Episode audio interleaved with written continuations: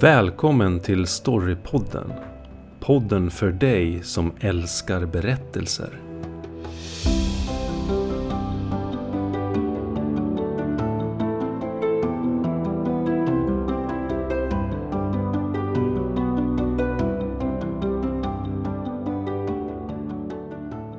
Hej allihopa! Idag ska vi prata om scener. Fantastiska scener.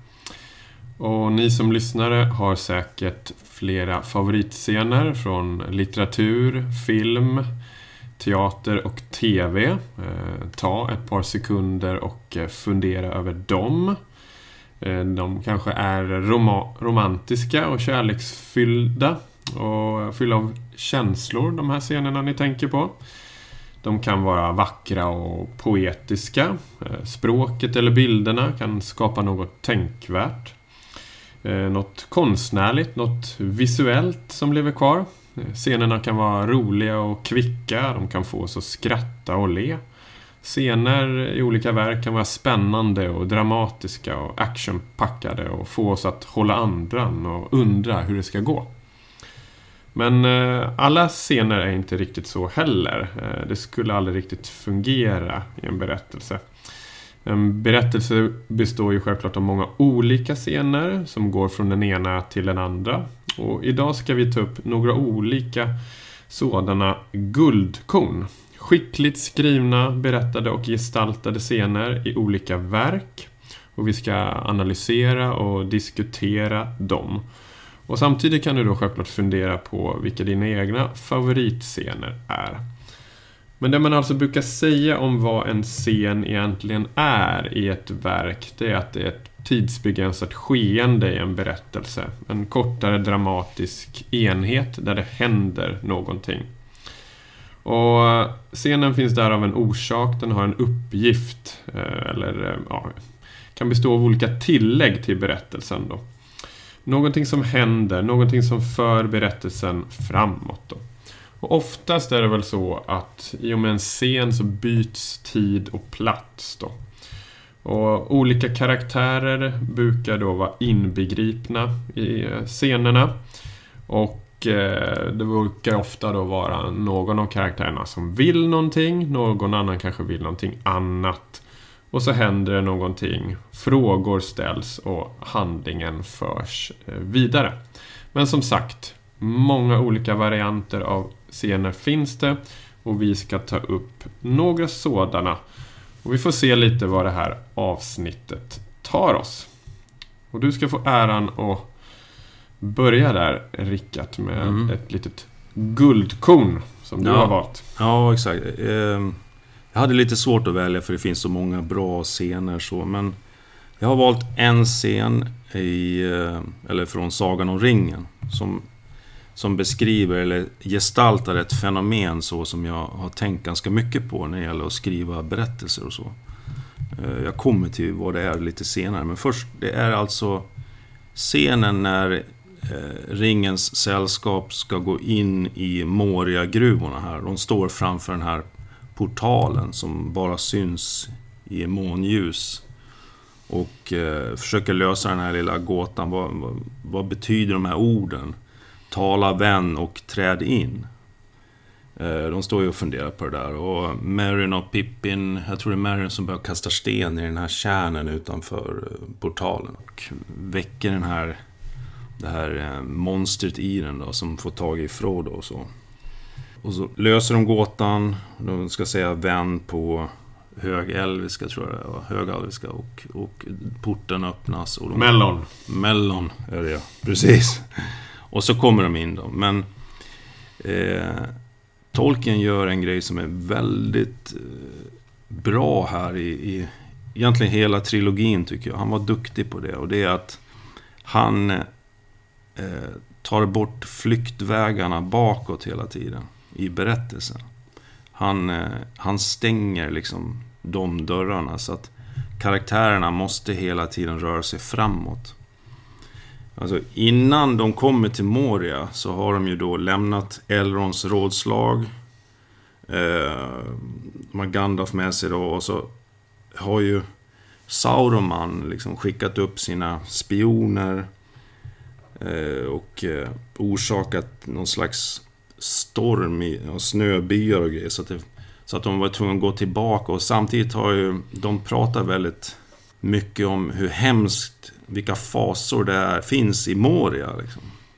Och hela tiden byggt upp den här stämningen då. Men, men han stänger vägarna och att de är tvungna till slut att gå dit. Och det är också så att när de står vid porten där och öppnar upp de här portarna så skulle de också fortfarande kunna välja att gå tillbaka. Va? Om det inte vore för det här monstret som har väckts. Som nu försöker äta upp allihopa. Då. Och de flyr in i, i de här grottorna och monstret river ner liksom eh, halva berget och liksom verkligen förseglar eh, liksom flyktvägen då. Och då är de, då är de plötsligt i Morias gruvor då och har ingen, ingen väg tillbaka. Det tycker jag är, är riktigt, riktigt bra och det, det också gör att man bygger en, en, eh, en spänning i, i berättelsen hela tiden. Men det bygger också en trovärdighet för att det finns väldigt många berättelser där det här saknas. Jag tänker spe speciellt på dåliga skräckfilmer när man får se någon som ja, är i ett hus och man, de har upplevt massa läskiga, skrämmande saker, massa ljud eller någon boll som flyger iväg eller någon, någon tavla som ramlar ner. Och, och så hör de massa hemska saker i källaren och, så, och något ljus som går igång och så går de ner i källaren. Fast egentligen, varför gör de det om, om de inte är tvungna? Va? Om man upplever sån skräck så då sover man inte över en natt till i det huset. Man tar bilnyckeln och så sticker man. Va? Men eh, så att det Tolkien gör tycker jag det är ett smart berättande hela tiden. Han, han tar bort vägen bakåt liksom. Eh, vad det var mer jag tänkte kring den? Jo, ja, hur som helst, han gör ju det här i hela trilogin och det, det tänk på det när ni liksom ser filmerna eller när ni läser eh, romanerna liksom. Och det, det tycker jag är riktigt snyggt.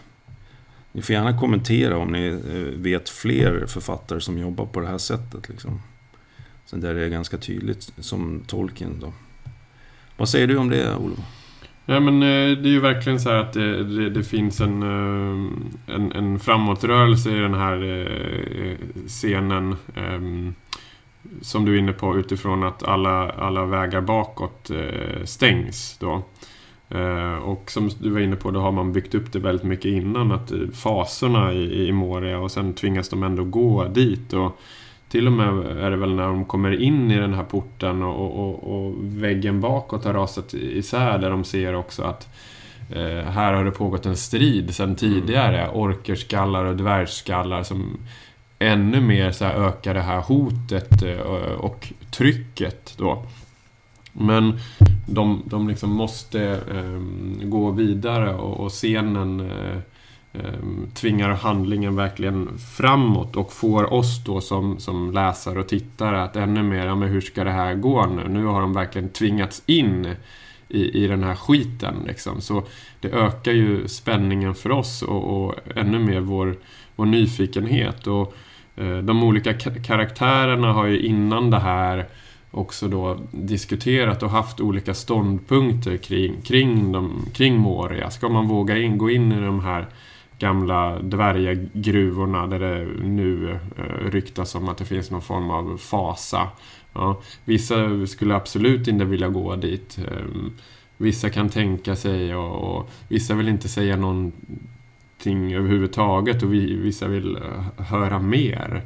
Och alla flyktvägar över bergen, Karadras har stängts bort. Eh, alla vägar söderut via det här Rohan-passet vågar man inte heller ta för Sarumans eh, spioner finns där och då skulle Saruman, den förrädiska trollkarlen, kunna få tag i ringen. Eh, och sen just hela miljön i den här scenen med utanför med den här eh, sjön eller kärnen som inte fanns där tidigare som, som Gandalf pratar om. Vad är den här nu? Liksom, det har skett en förändring. Det ger oss också sådär en...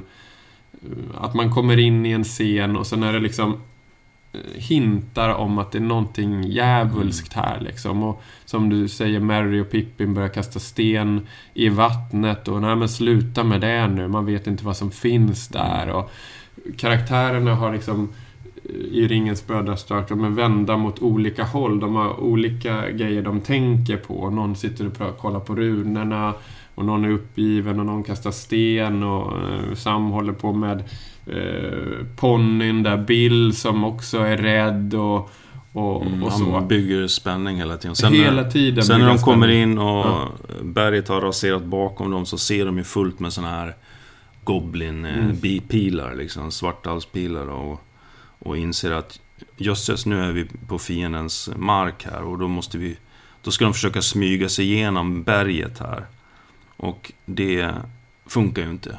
Utan det, det går ju en tid, de smyger, smyger, smyger, sen händer någonting som gör att de väcks. Va? Ja, och det är verkligen den här också då settingen med en vandring i mörker som man pratar om och det är inget ljus där och man har ändå också någon slags förhoppning och fundering. Vad hände med Balins eh, dvärgakoloni? Gimli vill ha reda på hur det gick det. Men här finns det orker. Det verkar som det har skitit sig. Finns de kvar ändå? Men var den här Mm. väktaren?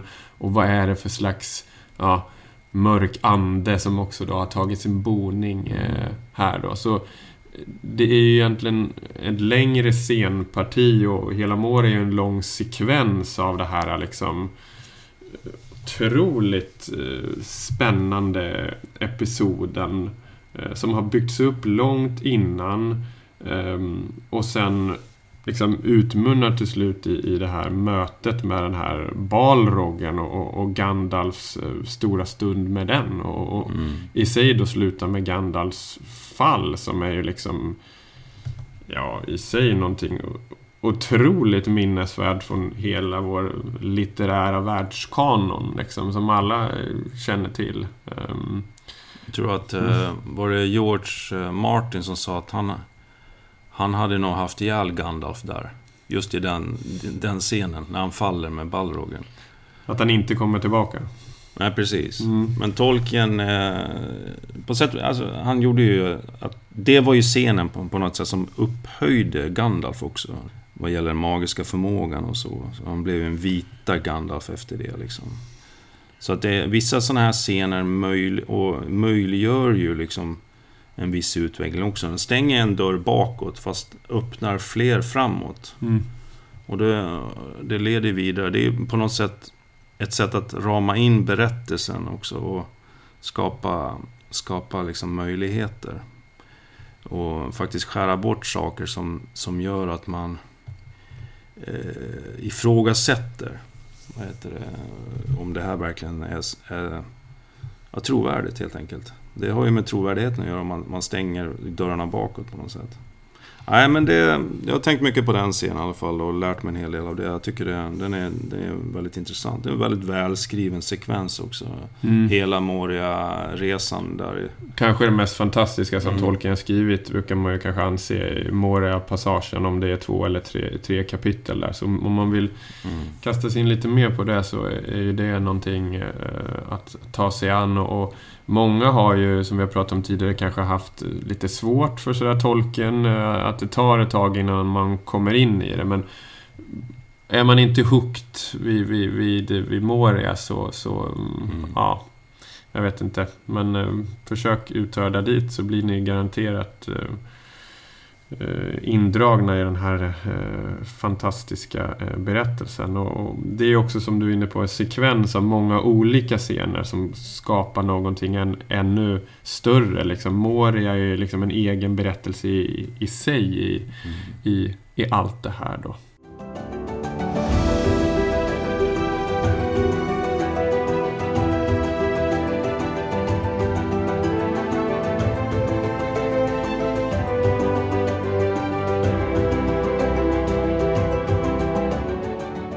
Ja, nej men en, ett, eh, ett eh, mästerverk, eh, den scenen och de anslutna scenerna. Vi går vidare med ett annat exempel. Och det är litterärt sådant. Och det är en roman från 1965 av John Williams och den heter Stoner. Och eh, en nyutgåva eh, gjordes i början av 2000-talet som gjorde att den här romanen återigen blev högaktuell och dök upp på topplistorna eh, världen över. Och det var då jag själv eh, tog mig an den efter ett tips från dig faktiskt. Eh, och den läsningen var ju helt fantastisk, njutbar. Och historien utspelar sig eh, inledningsvis eh, innan första världskriget, i början av 1900-talet eh, i USA, utanför på landsbygden, utanför om det är Ohio eller något liknande. Där William Stoner, huvudkaraktären, bor tillsammans med sina föräldrar då, som är lantbrukare. Och han är väl en person som inledningsvis är liksom ganska sådär tom, liksom eh, eh, oformad i början då, när man tar sig an honom och börjar läsa om honom. Eh, men han skickas i alla fall till universitetet. Och det är hans pappas idé för att läsa, lära sig mer om liksom, lantbrukskunskap och, och, jordbruk då för att sen kunna komma tillbaka till föräldrarna, börja arbeta med pappan där och sedermera liksom eh, ta över eh, gården då. Eh, så är ju tanken då. Så här har säkerligen man jobbat i släkten i generationer då. Så han kommer till universitetet, en helt ny värld, liksom en stad, eh, en helt ny värld för den här lantbrukarsonen då. Men inledningsvis, som det var då, eh, på flera, bland, på flera universitet i andra delar av världen också, så läste man ju en slags förberedande kurs eh, för att man skulle kunna börja sina egentliga akademiska studier då. Och så var det på det här universitetet och då började man att läsa eh, litteraturvetenskap. Ja, för att kunna i stort sett kunna lära sig mer om, om, om texter och hur man lär sig saker och ting. Då. Ehm, så ehm, William Stoner börjar läsa eh, och sakta men säkert efter en del gupp på vägen så blir han väldigt påverkad av sina studier och framförallt en, en speciell lärare där då. Eh, han blir väldigt, väldigt intresserad och, och, och har många frågor då. Och eh, han eh, genomför den här eh, första kursen eh, och så. Och eh, tar då en slags examen eh, och genomgår en ceremoni eh, där eh, hans föräldrar då också deltar. De kommer upp från, från sin gård in till staden då. Och när vi ska ta oss an den här scenen, då har man liksom firat lite sådär på, i hans studierum, tror jag det är, William Stoner. Mm. Och föräldrarna är där, det har varit lite mer folk innan då. Eh, så jag ska läsa lite nu eh, från eh, den här scenen då. Det blev återigen tyst. Föräldrarna som riktade blicken rakt fram mot skuggan av sina egna kroppar tittade då och då från sidan på sonen som om de inte ville störa honom i hans nya tillstånd. Efter flera minuter lutade sig William Stoner fram och rösten var högre och mer bestämd än han hade avsett när han tog till orda. Jag borde ha sagt det tidigare. Jag borde ha sagt det i somras eller i morse. Föräldrarnas ansikten var tröga och uttryckslösa i lampskenet. Det jag försöker säga är att jag inte kommer tillbaka till gården. Ingen rörde sig. Fadern sa Du har en del att avsluta här. Vi kan åka hem imorgon bitti och du kan komma efter om några dagar. Stoner gned sig med handflatan i ansiktet. Det var eh, inte så jag menade. Jag försöker tala om att jag inte alls kommer tillbaka till gården. Faderns händer grep om knäskålarna och han drog sig bakåt på stolen. Han sa Har du hamnat i knipa på något sätt? Stoner log. Nej, det är ingenting sådant. Jag ska fortsätta läsa ett år till. Kanske två eller tre. Fadern skakade på huvudet. Jag såg dig bli klar ikväll och jordbrukskonsulenten sa att lantbruksutbildningen tog fyra år. Stoner försökte förklara för fadern vad han tänkte göra. Försökte få honom att inse hur meningsfullt och viktigt det var för honom. Han lyssnade på hur orden lämnade hans mun, som om de vore någons annans, och iakttog faderns ansikte, som tog emot orden så som en sten tar emot upprepade slag av en knytnäve. När han var färdig satt han med händerna knäppta mellan knäna och huvudet böjt. Han lyssnade på rummets tystnad. Till slut rörde sig fadern på stolen. Stoner tittade upp. Föräldrarnas ansikten mötte honom och han var nära att skrika åt dem. Jag vet inte, sa fadern. Hans röst var trött och skrovlig.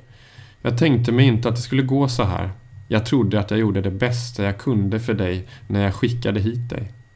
Din mor och jag har alltid gjort det bästa vi kunnat för dig. Jag vet, sa Stoner. Han kunde inte se på dem längre. Klarar ni er? Jag skulle kunna komma tillbaka ett tag i sommar och hjälpa till. Jag skulle kunna... Om du tycker att du bör stanna här och studera dina böcker, då är det det du ska göra. Din mor och jag klarar oss. Modern satt mitt emot honom, men hon såg honom inte. Hennes ögon var hårt slutna. Hon andades tungt. Ansiktet var förvridet som i smärta och hon tryckte sina knutna nävar mot kinderna. Förundrad insåg Stoner att hon grät, djupt och stilla, med skammen och tafattheten hos någon som sällan gråter. Han iakttog henne ett ögonblick till, sedan reste han sig tungt och gick ut ur förmaket. Han letade sig upp för den smala trappan till vindsrummet och där låg han länge på sängen och stirrade med öppna ögon in i mörkret ovanför. Ja, det kommer då alltså från inledningen i eh, Stoner då av John Williams, sida 33 eh, till 34. Och ehm, ja, ehm, det är ju en tydlig konflikt här som, som, som möts då. Man har ju då haft lite på känn att Stoner då eh, verkligen, verkligen intresserat sig för de här eh, vidare studierna och att han funderat på att, att strunta i, i jordbruket. Men det är absolut inte klart för han är liksom oformad kring, kring detta och vi, han är som ett, eh, som ett halvt papper än så länge. Liksom. Och eh, det har varit tydligt från början att fadern vill att han ska komma tillbaka och nu blir det ett slags liksom, klimax kring detta och, och en, delvis en, liksom en konfliktupplösning i den här inledningen av, av berättelsen. Och det är ju också djupt eh, och starkt eh, format och gestaltat i, i, i bilder och, och, och, metaforer och symbolism då, kring hur de blir helt eh, paffa och överraskade och liksom närmast tillintetgjorda av, av sin sons beslut. Liksom. Ja. Det är hela, hela deras värld som egentligen på något sätt faller samman här. Liksom. Det var verkligen inte tänkt att det skulle bli så här utan sonen har ju liksom på något sätt dragit undan, undan mattan för deras fötter också. Eh, och, och, han jobbar också med skuldtyngda och liksom på något sätt oväntade i sig själv. Han hade ju inte tänkt att det skulle bli så här heller riktigt. Mm. Ja. Men nu finns det ingen annan väg för honom utan han har blivit så pass intresserad av, av de här uh, studierna. Då. Och han uh, har ju en viss fallenhet för det också då, om man säger så. Mm. Och det har jag ju märkt då, liksom, medan han hållit på. Men det är ju det, de kanske trodde också att han skulle förvalta familjeägorna liksom, mm. och hade hoppats på det. Och så tar ju han död på deras dröm där. Då. Och det är väl två olika drömmar som inte går ihop på något sätt. Dels föräldrarnas och hans. Då. Och, nej, det är starkt också hur de använder skam och skuld och för att på något sätt hålla tillbaka honom. Och, Sådär, och få honom egentligen tillbaka till gården. Så, men, ja, nej, den och det är, är bra.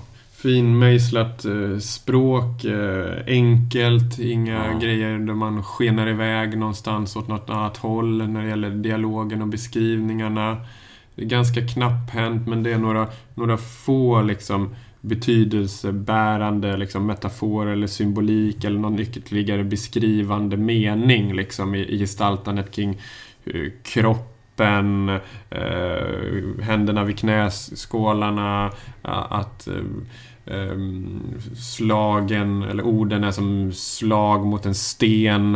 Eh, att moden faktiskt gråter där liksom. Som, att man lägger in de här små kornen, inte för mycket. Portionerar ut dem lite då och då liksom. Och låter dem hela tiden få det att lyfta lite. Annars jobbar man med dialogen. Ja, sakta men säkert. Um, så, så gör det ju liksom att, att scenen och, och texten lyfter från, från, från pappret liksom och blir oerhört eh, levande och stark. Och, eh, den här romanen är ju, är ju fylld av, av eh, sådana här scener som kommer också väldigt finmejslade, längre, liksom mer beskrivande partier där, där tiden går. Liksom. Det är också en mm. skildring av liksom, lite amerikansk historia här, sakta men säkert, universitetsvärlden och fina liknelser och fina karaktärer som dyker upp som är oerhört eh, finmejslade och, och, och vissa nyckelscener som är så konfliktfyllda och starka och fyllda av känslor. Det är också en eh, beskrivning, eller en gestaltning egentligen, från, från ett bondesamhälle till ett eh, kan man säga, tjänstesamhälle eller något sånt där. Alltså, eller det industrialis mm. industrialiserat samhälle. Och det är det han eh, vill. Han vill gå ifrån det och gå in i den här nya, moderna världen på något sätt. Och föräldrarna förstår inte det helt enkelt. Nej, det är en stark scen och väldigt väldigt fint gestaltad roman över, överhuvudtaget tycker jag. Och då, alltså amerikaner, de är förbannat bra på det här med, med, med ett återhållet eh, minimalistiskt mm. språk. Mm. Egentligen inte minimalistiskt på det sättet att det blir tråkigt, va? att de inte får fram det de vill säga, utan eh, fin, liksom, vad ska man säga, finskuret. Kan man mm. säga så? Mm, laddat och, att, och alltså, Laddat, rent språk. Rent. Mm. Och inte, inte tyngt av, av eh, massa adjektiv och liksom utsvävningar som du var inne på. Eller, utan det här, ja, den är en klar prosa på något sätt. Ja, och vi har ju pratat i tidigare avsnitt om Hemingway och man ser ju Hemingways ande här över den här romanen också. Och Steinbeck också, Steinbeck också, absolut. Alltså Vredens druvor. Ja, ja. Det är ju lite liknande, va? Mm. för att uh, Mm. Också människor som bryter upp från sitt, sin tillvaro och försöker skapa sig ett bättre liv. Va? Det här är lite annorlunda så, ja. men ändå. Mm. Eh, det, det, är lite i den andan tycker jag. Och det, det, det är sorters språk också. Så jag tror att han John Williamson och studerar sin eh, Hemingway och Steinbeck mm. tror jag. Mm. Det känns nästan så. Jo, verkligen. Så, ja, har ni inte upptäckt uh, Stoner så, så kasta er på den här fantastiska litterära livsresan då man får följa den här personen då genom, genom hans eh, liv.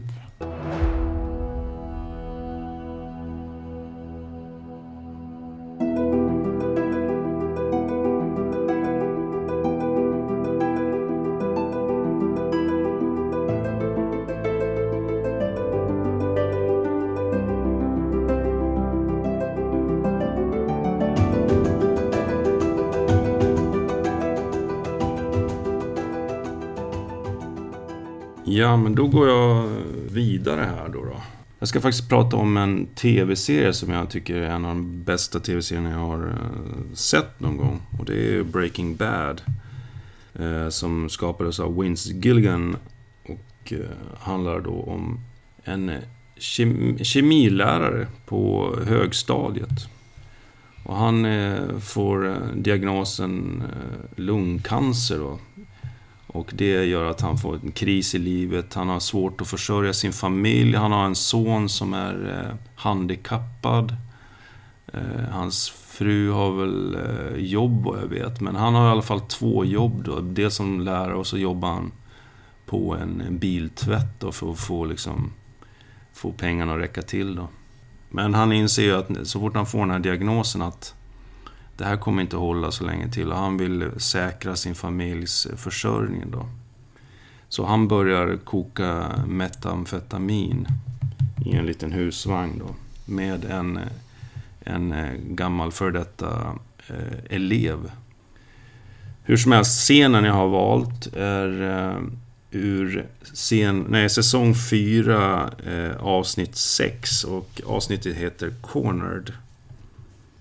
Det här eh, Skyler, som är Walts fru, är lite orolig för honom. För att, för att under säsongerna som varit och avsnitten som har varit så har eh, liksom faran för allas liv ökat hela tiden. Det har blivit, det har blivit farligare och farligare och farligare för dem. Va? Och de här stora kriminella gängen börjar liksom nosa in sig på, på dem. Va? Så eh, Skyler är riktigt eh, rädd här och, och liksom säger att han är helt ute på djupt vatten nu och han vet inte riktigt vad han håller på med.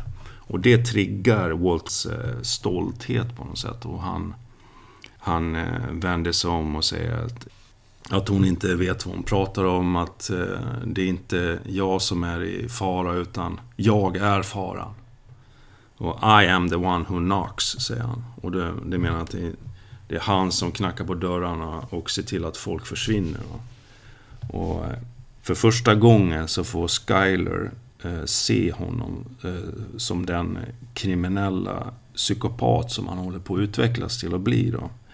Och innan dess har hon levt i någon slags medberoende och eh, Eh, valt att kanske blunda för, för den utveckling och det liv han lever. Liksom, och, ja, den utveckling han har och det livet han lever på något sätt. Hon har, hon har helt enkelt inte velat se det. Liksom. Men här får hon upp ögonen för honom. Liksom. Att han faktiskt går från att vara Walter White till att bli den här fiktiva Heisenberg som är den här kriminella mästaren som, som kokar världens bästa metamfetamin. Liksom. Så intressant scen och väldigt talande också för hur man provocerar en annan karaktär, alltså i, i en konfliktsituation i en dialog. Hon trycker på hans ömtåliga punkt som är, som är, som är stolthet på något sätt. Han är väldigt stolt, eh, Walter White. Eh, och det är det som triggar honom att göra det här. Det är inte bara det att han behöver pengar till sin familj längre. Utan han faktiskt njuter av den här makten. Och han, han, han börjar finna sig själv liksom i den här kriminella världen på något sätt. Och liksom njuter av att folk kanske är lite rädda för honom till och med. Och att han faktiskt kan tillföra någonting som folk verkligen vill ha. Va? Och det är ju den här methen, liksom. Den här eh, drogen då. Eh, intressant, eh, intressant eh, vad heter det, dialog och konflikt här. Eh, man kan ju tänka på det när man skriver också att en karaktär pressar den andra och den brister. Och då kommer det rätta fram på något sätt. Här, här slänger han av sig till och med mitt i scenen. Eh, men han står till och med med ryggen mot sin fru och, och tar av sig sin tröja. Och det är där han liksom på något sätt tar av sig sitt vanliga jag då, sin kemilärare-skrud på något sätt. Och blir den här kriminella Heisenberg som är liksom farlig, eh, vet precis vad han håller på med och är inte någon pushover, inte någon man trycker ner som, som kemiläraren faktiskt har varit. Han har ju varit någon sån här liten dörrmatta som folk har klivit på. Va? Och det är det liksom i den här utvecklingen träder verkligen fram här. Och det blir en väldig vändpunkt för han, honom som karaktär i den här scenen. Och att hon faktiskt ser det och förstår. Hon fattar exakt här. Här vaknar hon upp inför vad han är för någon. Och vad hon har liksom bredvid sig i sängen när hon sover. Då. Det är en riktig stenhård kriminell som liksom till och med dödar andra människor. Då.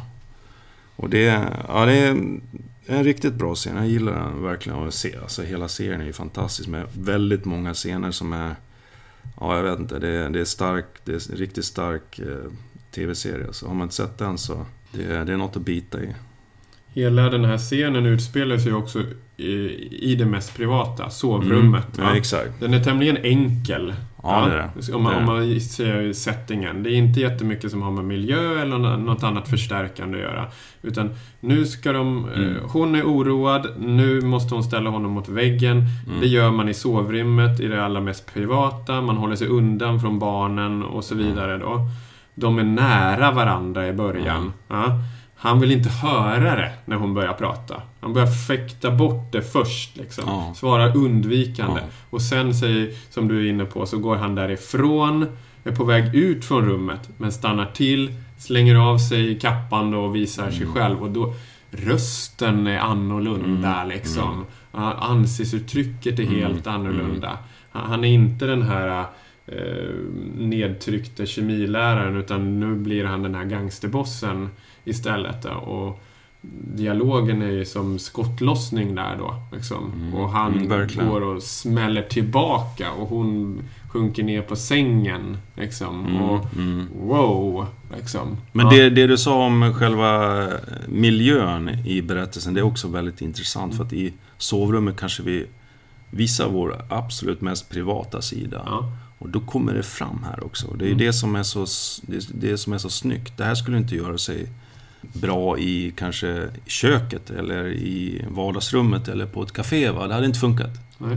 Här är det, ja det är intimt men ändå Här kastar han av sig sin mantel liksom som den normala Walt eh, White och kliver fram som Heisenberg och det, ja, det är snyggt gjort. Riktigt bra exempel på hur man eh, får fram en tydlig eh, karaktärskonflikt, eller konflikt mellan karaktärer och, och eh, samtidigt eh, visar förändringen Mm. i, i karaktärerna. Båda karaktärerna dessutom. Mm. Inte bara en. Det är inte bara Heisenberg som förändrar sig utan hon får insikt om honom som sagt och allt det där. Ja då, men eh, värt att se. Ja, och jag skulle vilja säga det också att det är ju en fantastisk tv-serie över, över fem säsonger och alltså många av de här tv-serierna och filmerna som vi ser där ute, det kanske ni funderar på ibland att ibland ser man ju saker som är bara uppstolpade, staplade scener efter varandra. Va? Pang, och så nästa scen, och så nästa, och så nästa, och så nästa. Och så har vi sett eh, det avsnittet, eller den tv-serien, och det tyckte vi var spännande. Ja, visst. Ja. Men sen, låt det gå några månader. Det är inte, det är inte alltid så att man kommer ihåg de scenerna där. Mm. Utan scenerna var mer byggstenar i den här längre berättelsen. Mm. Och för all del så eh, kan berättelser byggas och skapas. Och alla scener kan inte vara Heisenberg i, i sovrummet eller Mm. vid Morias eh, eh, portar. Eh, Men man kan tänka ändå, om man vill skapa eh, goda berättelser, att fundera extra på, på just scenerna som enheter. Ja? Hur byggs de upp? Hur är dramaturgin? Hur är bågen? Hur är konflikten? Hur är dialogen? Hur är karaktären? Hur är tematiken här? Ja? Hur är gestaltningen? Miljön? Vad gör man? Vad säger man? Hur ser man ut? Hur förändras man? Och det är ju någonting som jag skulle säga att Vince Gilligan som skapade Breaking Bad var oerhört oh, nu höjer jag rösten till och med. Han var oerhört duktig i det. Ja? Ja, Alltså det vimlar verkligen, Verkligen. av fantastiska scener i, i Breaking Bad. Eh, Det gör det. Sen är inte alltid alla säsonger lika, lika bra och sådär, men han kunde och la ner extra mycket krut på, på vissa scener skulle jag vilja säga. Och det är ju och det är psykologiskt förankrat i Mm. karaktärerna hela tiden också. Så det, ja, nej, det, jag håller med.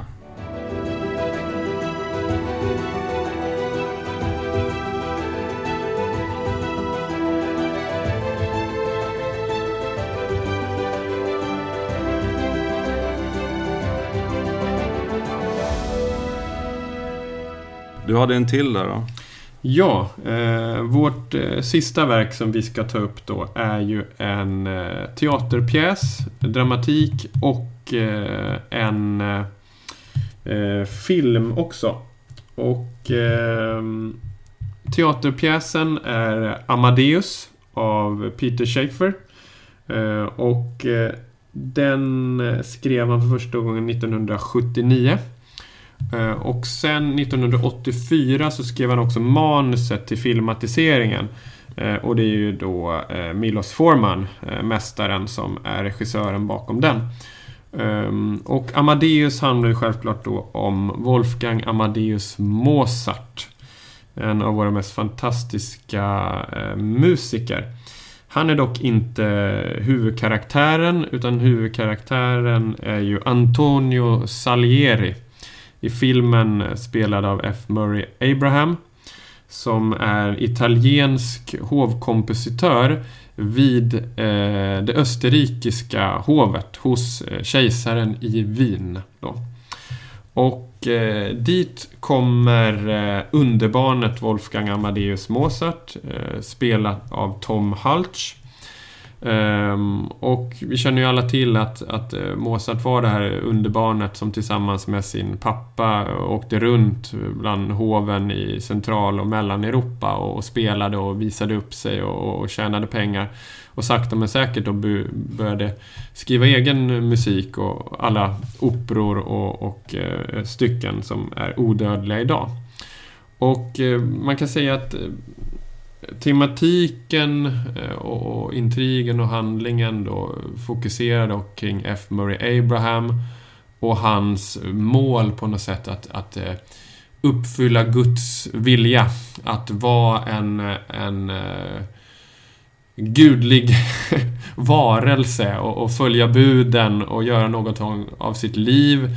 Han är tämligen, ja, låg klass från början och, och strävar uppåt och, och, och, gör allt som, som Gud har sagt och har nått en hög position då. Ja, och har en talang i, i musiken då. Um, och det handlar just om vad man kan göra med sin, sin, sin gudagåva. Och han får ju då höra att det finns en eh, person som anses ha, ha det allra mest gudomliga inom sig. Musiken är ju det självklart då. Och det är ju då Mozart.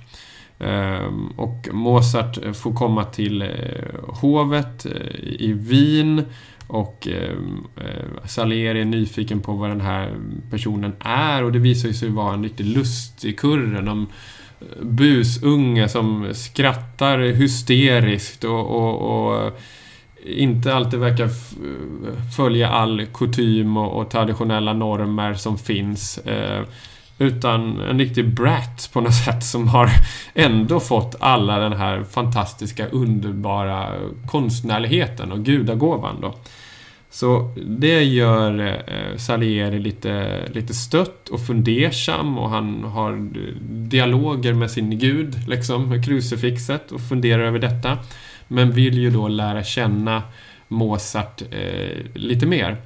Så han lyckas eh, få eh, kejsarens öra då att eh, man ska beställa en eh, opera av eh, Mozart då. Och, och, scenen då som, som jag har valt är ju då den som kallas för Mozart eh, välkomstparad.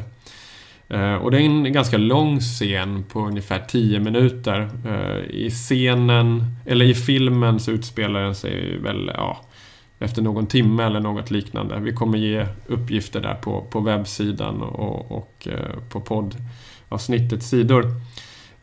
Men Salieri har skrivit en välkomstparad till Mozarts ära Eh, man väntar i ett audiensrum där det står en ja, klaviatur eller cembalo och ett lite mindre piano. Um, och med, förutom Salieri och kejsaren, också några andra dignitärer. Uh, det är uh, kapellmästaren, uh, den som är chef för operan bland, annat och sen någon form av baron också. Som är liksom sidekicks. Och uh, Ehm, kejsaren eh, blir nyfiken på välkomstparaden som Salieri har gjort och undrar om han får eh, spela den själv när Mozart ska komma in. Och eh, eh, Salieri blir ju liksom oj oj oj, ja nej men absolut liksom. Ja. Och så börjar kejsaren Josef då att spela väldigt hackigt. Så här, dun, dun, dun, och, så, ja, och så hjälper Salieri lite till. Och Mozart kommer utanför och ska försöka ta sig in i audiensrummet men, men får stanna. Några vakter spärrar. Han, han undrar och kikar in och hör musiken. Vad är det som pågår? Liksom. Salieri hjälper kejsaren att träna lite först. Och så börjar man spela musiken, vakterna öppnar, Mozart kommer in, eh, vet inte vem som är kejsaren först utan hälsar baronen istället. Eh, och förstår efter ett tag vem, att kejsaren sitter och spelar själv. Oj, oj, oj. Eh, han, han lugnar ner sig. Kejsaren eh, plitar på, lyckats få fram hackigt, eh, välkomstparaden. Eh, och sen eh, välkomnar de varandra och tackar. Och eh, Mozart är jätteglad över att få vara där och han presenteras eh, för de andra dignitärerna. Och eh, framför Salieri och åh, Maestro Salieri, åh, det är min ära och så vidare. Och Salieri blev smickrad, smickrad av detta. Liksom. Um, och eh, sen då eh, säger eh, kejsaren att ja, men min unge herre Mozart här, vi vill beställa en eh, opera av dig. Så ehm, Åh, oh, wow, oh, vilken ära och fantastiskt. Så här. Och, jag har faktiskt redan ett, en libretto här i huvudet liksom, som jag har tänkt på, som skulle vara helt fantastiskt. Så här. Jaha, säger eh, operachefen, tror jag det är. Vad handlar det om och utspelar sig den eh, om? Är det någonting man kan titta på? Nej, nej, allt är i huvudet. Men det utspelar sig i... Eh, och så vågar han knappt säga det för att han tycker att det är lite generat. Ja, det utspelar sig i ett harem. In Turkey? Liksom, ja, är det verkligen passande ja, att utspela sig i ett turkiskt harem, operan? Så här. Ja, säger flera av de här andra dignitärerna. Och Mozart säger, ja men varför inte? Liksom, så här. Ja, varför kan det inte utspela sig där? Men vad är temat då i, i, i den här operan? Ja, men eh, det finns olika teman. Det handlar om kyskhet och den är passande och den är moralisk. Den kommer inte väcka anstöt, lovar Mozart kejsaren då. Ja, men vad är de här för, eh, för, eh, för eh, löften eller eh, liksom givna teman som, som, som finns ändå i, undrar Salieri. Ja, men det är tyska teman. Så här. Jaha, vad är det för tyska teman då som är så eviga? Så här. Ja, kärlek, säger Mozart. Och då börjar man där skratta och Salieri säger ja men vi från Italien, vi vet självklart inte alls vad kärlek är. Och så börjar alla skratta lite, ha ha ha.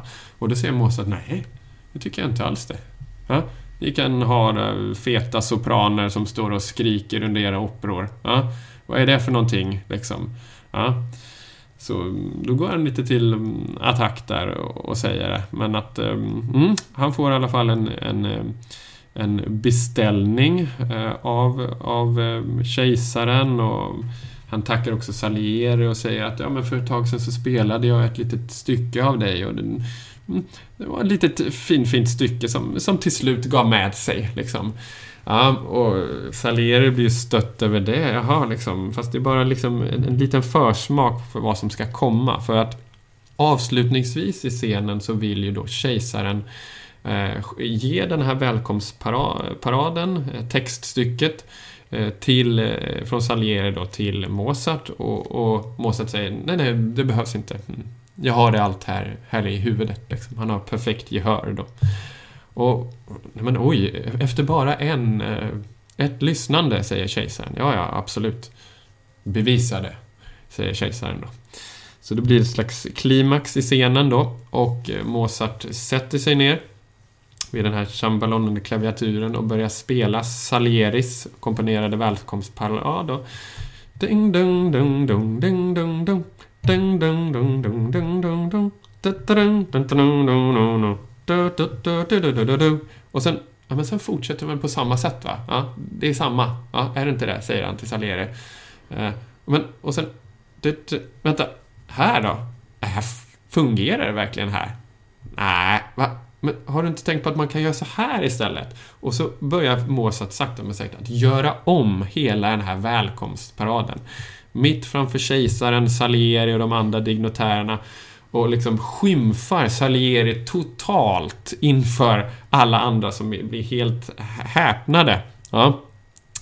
Och, och Mozart avslutar med något så här bom bom och, och skrattar sitt hysteriska skratt.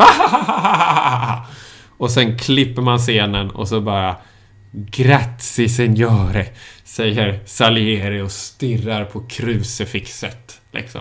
Totalt förnedrad av den här äh, skitungen som har fått allt, äh, alla gudagåvor som finns, som han egentligen borde ha. Äh, som han har kämpat för. Men så har Gud gett det till den här avarten istället. Han kan bara inte förstå det. Liksom. Ja, den är en helt fantastisk scen som... Eh, ja, det är drama, konflikt, eh, komik, eh, nästan... Ja, och spänning och, och musiken som föröjer allting och, och flera olika synpunkter och miljön av det kejserliga audiensrummet med sina normer, sin kutym, sina regler som måste följas.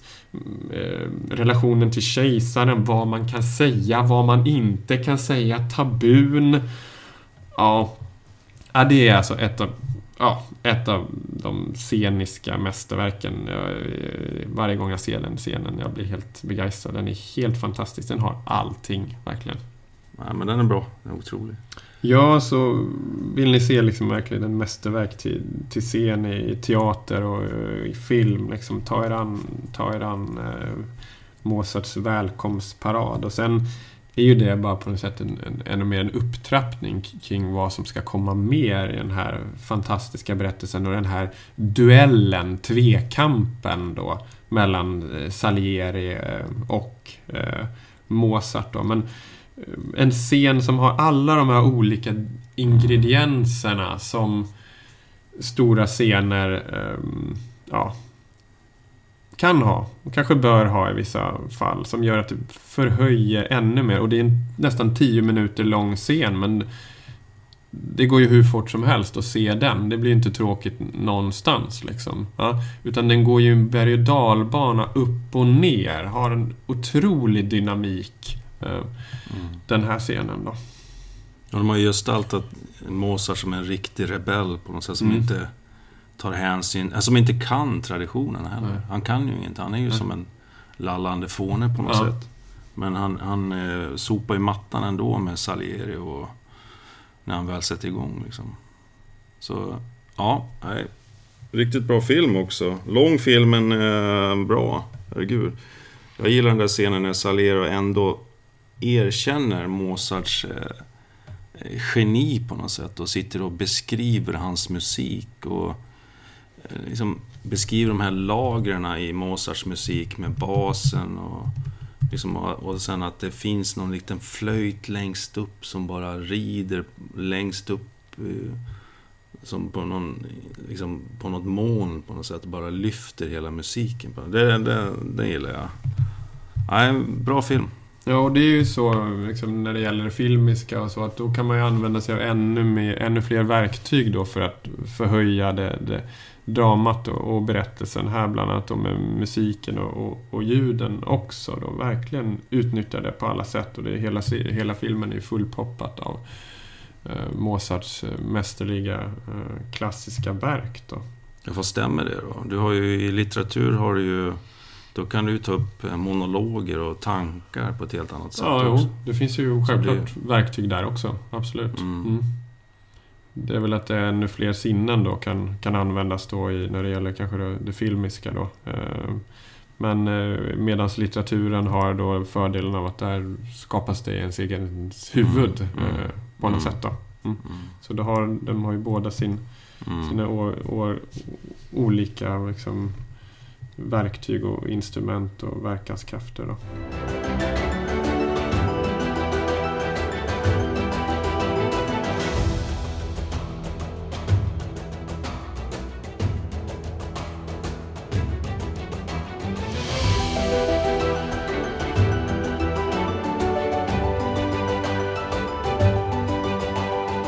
Ja, men det var Amadeus det då. Om vi ska sammanfatta och runda av lite då.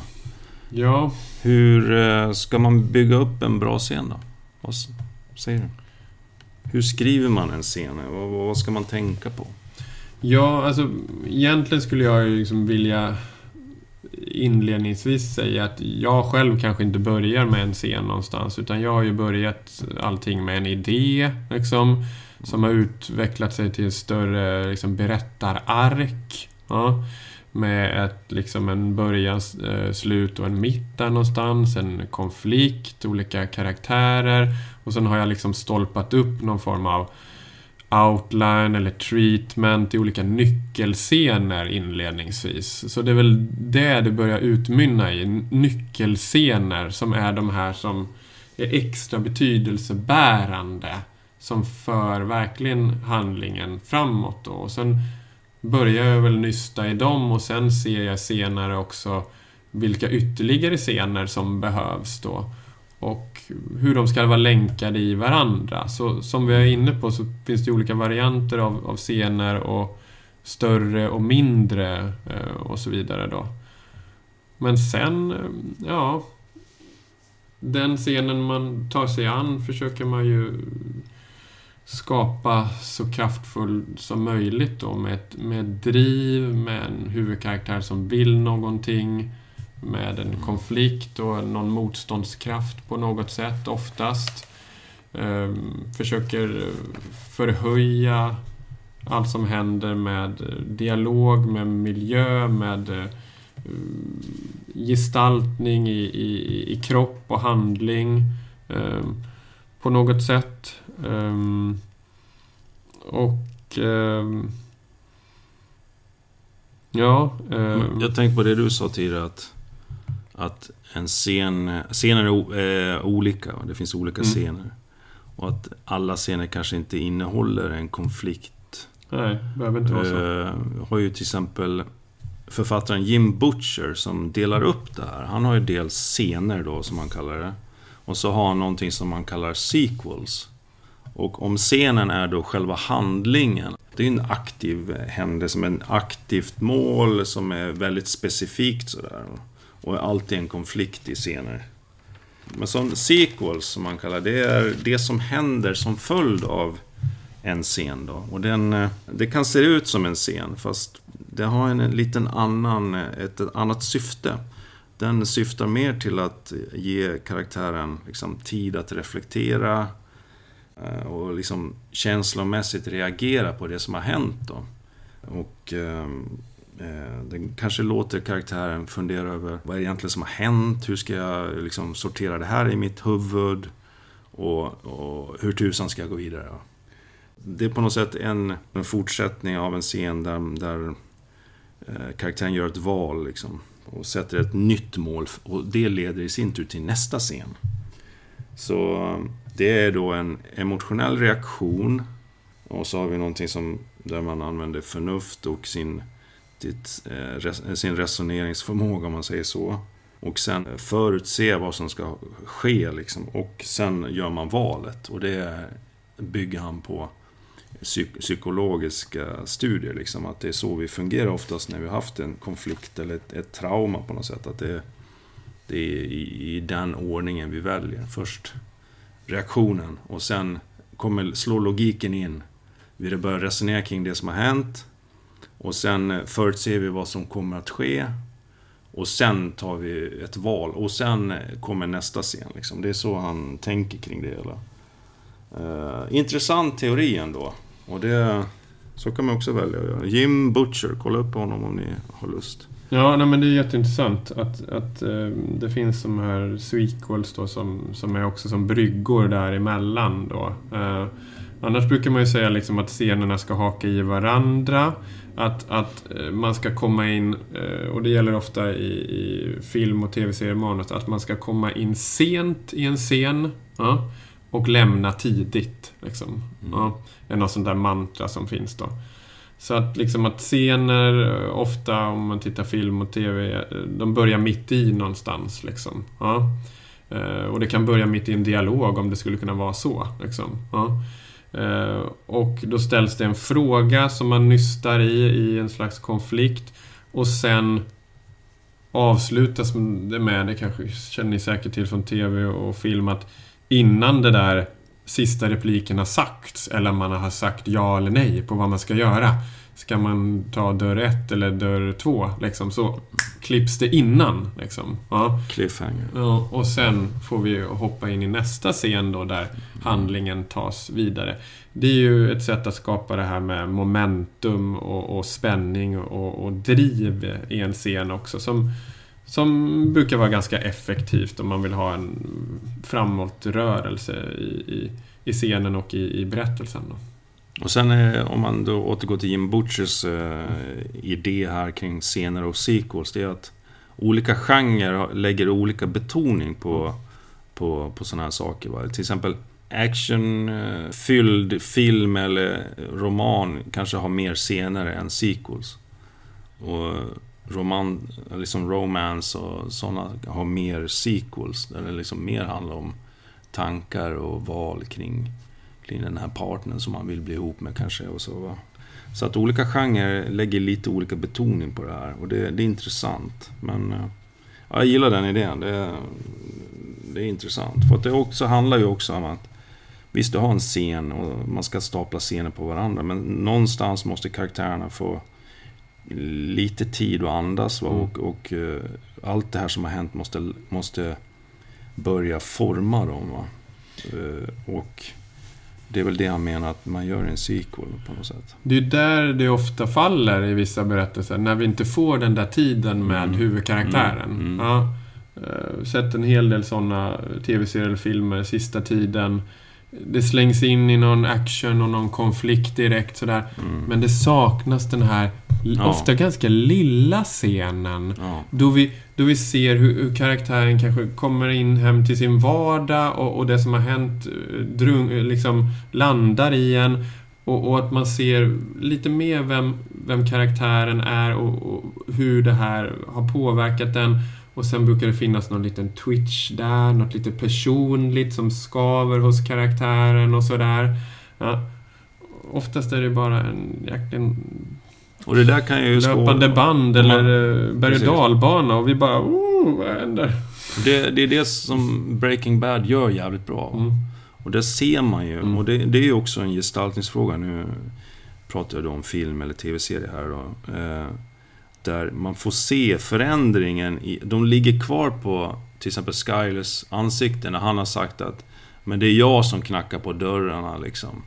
Och då ligger de kvar på hennes ansikte ganska många, liksom många sekunder så. Mm. Och, och, när man eh, alltså har problem med, med alltså, förstår jag menar? Att, att vissa berättelser hastar på för mycket som du säger. Mm. Och då får du inte den här återkopplingen, du får inte den här emotionella liksom, vad ska man säga, underbyggandet då. Du får inte den grunden i det hela och då blir det egentligen ganska ointressant. Och då ja. du får karaktärer som är, som är som en kartongutklipp ja. liksom. Ja, nej, man, men det är också en balans där och vissa genrer har lite mindre sånt va. Ja, och det... andra genrer har kanske för mycket nästan tycker jag. Det, ja, det är lite vad man tycker om också. Det är så, hur, hur intros spektiv är man liksom? Hur mycket gillar man att analysera? Då kanske man gillar en viss berättelse och genre mer än andra på något sätt. Men, men det, är, ja, det där kan ju vara från gång till gång också. Liksom. Verkligen, men det är som du säger, verkligen att det finns olika typer av scener till olika genrer. Liksom. Ja, mm. det och, och, det ju, kan ju vara bra att, att känna till sådana klichéer och klyschor också. Och, och ja, ja. använda sig av dem och sen vända och vrida på dem eh, lite då. Fram och tillbaka. Mm. Och, och, det gäller ju både TV och film och, och det litterära. Vi, vi pratar om Tolkien här. Ja, men då är det ju Moria och det mörka och man använder miljöbeskrivningar för att skapa världen. Och det är ju fantasy och det magiska och allt det där.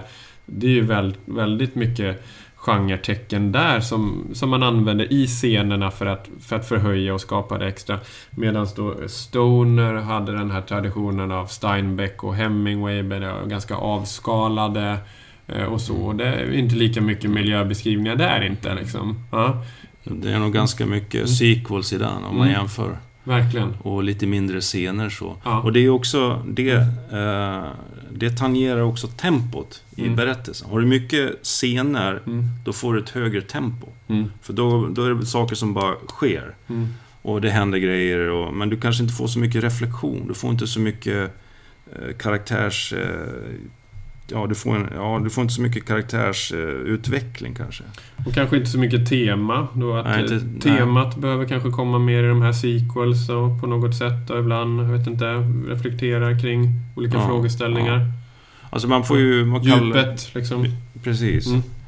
Man kan ju kalla det vad, de, vad man vill. Va? Man Mm. behöver inte kalla det sequels och så. Va? Men, men förstår jag menar? Att det finns ju... Det måste finnas utrymme för eh, reflektion och analys på något sätt hos karaktärerna. Sen får man ju välja hur, hur mycket man kastar in. För det, det, det, man, ska också, som jag, säger, som jag sa, man ska veta att det drar ner tempot. Mm. Så det är, det är en balansgång. Och det, det är intressant. Det där är riktigt... Det är intressant alltså. Det är det. Ja men... Eh, då har vi lite då om hur man kan skriva en scen då. Är det något mer du vill tillägga?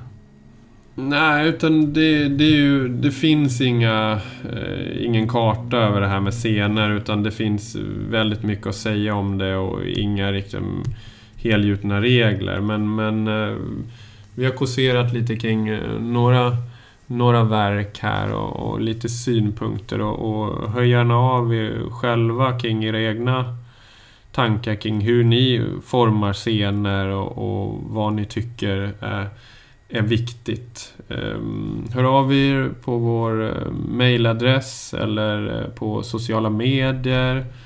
Ja, och kolla eh, hemsidan som vanligt, storypodden.se för fler avsnitt och, och, och fler artiklar och andra inslag som har med scener och liknande.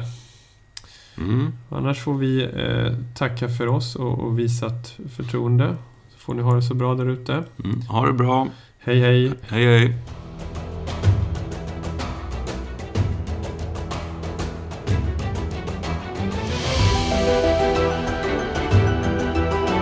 Du har lyssnat på Storypodden med Rickard Eklund och Olof Tiderman. Fler avsnitt, mer info och tips hittar du på www.storypodden.se. Vi finns även på sociala medier i form av Facebook och Instagram.